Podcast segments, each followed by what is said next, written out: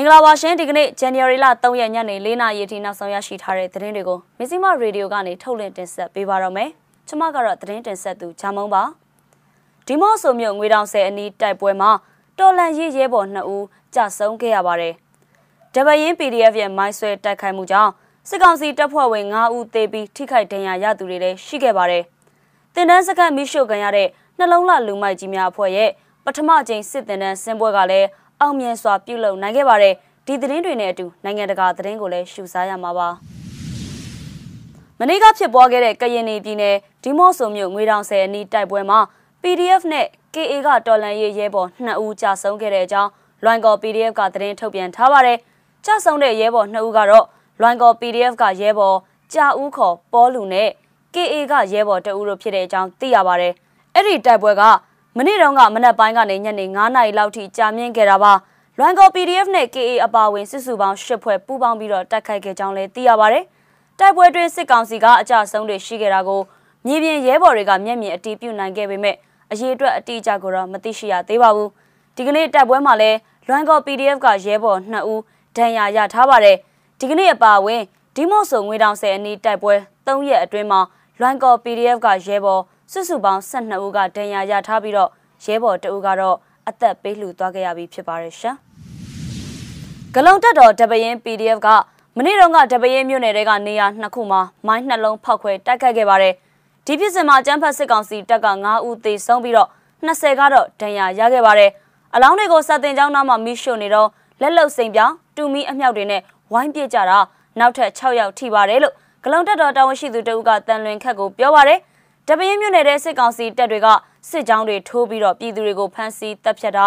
နေအိမ်တွေကိုမှွေနောက်ဖျက်ဆီးတာပစ္စည်းတွေကိုအဓမ္မယူဆောင်တာတွေကိုမကြာခဏပြုလုပ်လေရှိတဲ့အတွက်ဒေသခံပြည်သူ့ကာကွယ်ရေးတပ်တွေကအကြိမ်ကြိမ်ခုခံတော်လှန်စစ်တွေဆင်နွှဲနေကြရတာပါလူလုံးမပြတဲ့ပျောက်ကြားနည်းနဲ့တိုက်ခိုက်နေရတာပါထိတ်တိုက်တိုက်ပွဲတွေအတွက်လက်နက်မရှိသေးပါဘူးမောင်းပြန်ရိုင်ဖယ်တလက်မှမရှိသေးတဲ့လေသမားတက်စစ်စစ်ဂလုံတက်ပါလို့ဂလုံတက်တာဝန်ရှိသူတို့ကတန်လွင်ခက်ကိုပြောလာပါတယ် ဂလုံတက်တော်က NUG နဲ့အခြေဆက်ရှိပြီးကာကွယ်ရေးဝန်ကြီးဌာနစီကနေကြက်သိန်း20အထောက်ပံ့ရထားဘူးပါတယ်။ဒါပေမဲ့လက်နက်အခက်အခဲအတွက်တောင်းဆိုထားရမှာတော့6လကြာတဲ့အထိလက်နက်အထောက်ပံ့မရသေးဘူးလို့သူကပြောပါတယ်။ဒါကြောင့်မိုင်းကိုပဲအဓိကသုံးပြီးစစ်ကောင်စီတပ်တွေကိုနီလန်ပေါင်းစုံနဲ့တိုက်ခိုက်နေကြောင်းတန်လွင်ခက်ရဲ့သတင်းအရသိရှိရပါတယ်။ပြီးခဲ့တဲ့ဒီဇင်ဘာလ31ရက်နေ့ကတပင်းမြို့နယ်ထဲလှည့်လည်ထိုးစစ်ဆင်လာတဲ့အကြမ်းဖက်စစ်ကောင်စီတပ်ကိုမိုင်းဆွဲတိုက်ခိုက်ဖို့စ조사ချိန် ဂလုံတက်သားရဲဘော်2ဦးကြာဆုံးခဲ့ရတဲ့အကြောင်းကိုလည်းအဖွဲ့ကဝန်တဲ့အကြောင်းထုတ်ပြန်ထားပါတယ်ရှင်။စကိုင်းတိုင်းမြောင်မြို့နယ်အခြေစိုက်ဒေသကာကွယ်ရေးတပ်တစ်ခုဖြစ်တဲ့နှလုံးလာလူမိုက်ကြီးများအဖွဲ့ကတော့တင်နန်းစခန်းမိရှုခံခဲ့ရပေမဲ့လည်းပထမအကြိမ်စစ်တင်နန်းဆင်ပွဲကိုအောင်အောင်မြင်မြင်ပြုလုပ်နိုင်ခဲ့ပါတယ်။အဖွဲ့အနေနဲ့တပ်မဟာတစ်ဆိုပြီးစဖွဲ့နိုင်အောင်ပထမအကြိမ်တင်နန်းပြုလုပ်ဖို့ပြင်ဆင်နေတော့ဒီဇင်ဘာလ9ရက်နေ့မှာစစ်ကောင်စီတပ်ဖွဲ့ဝင်တွေကတင်နန်းစခန်းကိုလာပြီးမိရှုဖျက်ဆီးခဲ့တာပါ။ ဒါပေမဲ့နေရာပြောင်းရွှေ့ပြီးတော့လေ့ကျင့်သင်ကြားမှုတွေပြုလုပ်ခဲ့ပြီးတဲ့နောက်မှာတော့တပ်မဟာတစ်တင်နန်းဆင်ပွဲအခမ်းအနားကိုမြောင်မြို့နယ်မှာပဲ January လ1ရက်နေ့ကပြုလုပ်ခဲ့တယ်လို့သိရပါတယ်။ထပ်ပြီးတော့လည်းတပ်မဟာနှစ်ဆိုပြီးဖွဲ့စည်းဖို့ရည်ရွယ်ထားတယ်လို့အဖွဲ့ခေါင်းဆောင်ဦးမာခကပြောပါတယ်။ဒါကကျွန်တော်တို့တင်နန်းပေးတာပထမဆုံးပါ။ကလေးတွေကနှလုံးသားဖွဲ့နဲ့တိုက်ပွဲဝင်ကျင်ကြတယ်။နှလုံးသားနဲ့ဆိုဘယ်နေရာမျိုးမှာပဲတိုက်ရတိုက်ရသေဝွန့်သေရဲတဲ့သူတွေကများတယ်။ဒါကြောင့်နှလုံးသားတပ်မဟာတစ်ဆိုပြီးကျွန်တော်ကတီထောင်ပေးတယ်။ မြောင်နယ်မှာတိုက်ပွဲဝင်တိုင်းဒီဖွဲ့တွေကကျွန်တော်နဲ့အတူလက်တွဲပြီးတော့တိုက်မှာပါ။ဒါကမြောင်နယ်အတွက်အားတစ်ခုပါပဲလို့သူကပြောပါတယ်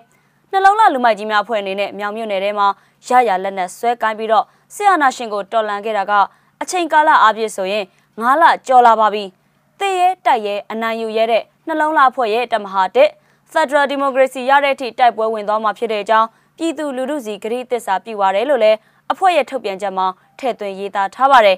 နှလုံးလာလူမိုက်ကြီးများဖွဲ့ကဆီယနာရှင်အလို့မရှိတဲ့ပြည်သူလူထုရဲ့ထောက်ပံ့ငွေတွေနဲ့ပဲရက်တည်နေတာဖြစ်တဲ့အကြောင်းကိုလည်းအဖွဲ့ခေါင်းဆောင်ကပြောပြပါဗျ။ပြည်သူလူထုရဲ့ထောက်ပံ့မှုတွေကြောင့်ပဲနှလုံးလှအဖွဲ့အနေနဲ့ဒလန်ရှင်းလင်းရေးပျောက်ကြားစစ်စင်ရေးတွေကနေတဆင့်အခုလိုမျိုးတက်ရင်တက်ဖွဲ့တွေဖွဲ့နိုင်တဲ့အထိကိုတိုးတက်ပြောင်းလဲလာနိုင်တာဖြစ်တဲ့အကြောင်းနဲ့ရေရှည်ဆက်ပြီးတော့ရက်တည်နိုင်အောင်လဲပူးပေါင်းပါဝင်ပေးကြဖို့ပြည်သူလူထုကိုမြစ်တာရက်ခံထားပါသေးတယ်။လက်ရှိမှာတော့နှလုံးလှလူမိုက်ကြီးများအဖွဲ့ကအဖွဲ့ဝင်3ဦးကတော့ ဆီယနာရှင်စန့်ကျင်တော်လန်ရေးမှာတိုင်းပြည်အတွက်အသက်ပေးလူသွားခဲ့ပြီဖြစ်ပါတယ်။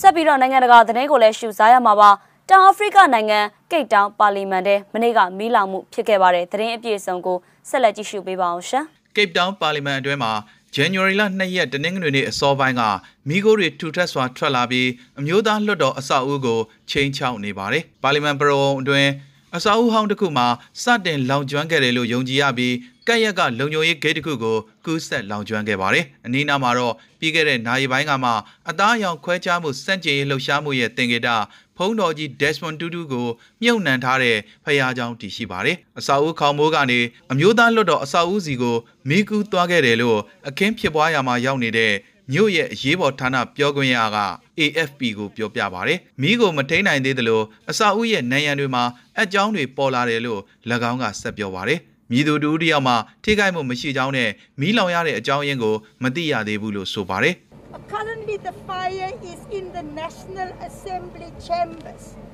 That is where it is burning right လောလောဆယ်မီးကတတိယတက်ကိုလောင်နေတယ်။ကနဦးသတင်းအရတော့ရုံးခန်းတွေကစတင်လောင်ကျွမ်းခဲ့တာဖြစ်ပြီးအားကစားရုံဘက်ကိုကူးသွားခဲ့တာလို့အရေးပေါ်ဝန်ဆောင်မှုဌာနကဆိုပါတယ်။ Cape Town ရှိပါလီမန်အဆောက်အဦတွေဟာ1884ခုနှစ်ကတည်ဆောက်ခဲ့တဲ့ရှေးအကြဆုံးအဆောက်အဦအပါအဝင်အဆောက်အဦ3ခုပါရှိပြီး1920ခုနှစ်နဲ့1980ခုနှစ်တွေမှာအသစ်ထပ်တိုးတည်ဆောက်ခဲ့တဲ့အမျိုးသားလွှတ်တော်အဆောက်အဦတွေပါဝင်ပါတယ်။ အေဗီလာအတွင်းကလည်းကိပ်တောင်းမှာမီးလောင်မှုဖြစ်ပွားခဲ့ပြီးအာဖရိကတိုက်ကမော်ဂွန်စာပေရီစူစီးတီရှိရာကိပ်တောင်းတက်သို့စာကြည့်ရရဲ့တစိမ့်တစ်ပိုင်းလောင်ကျွမ်းသွားခဲ့ပါတယ်မစ္စည်းမရေဒီယိုရဲ့ညနေ၄နာရီထိနောက်ဆုံးရသတင်းတွေကိုတင်ဆက်ပေးခဲ့တာပါစောင့်မျှော်နှားဆင်ပေးခဲ့ကြတဲ့အတွက်ကျေးဇူးတင်ပါတယ်ရှင်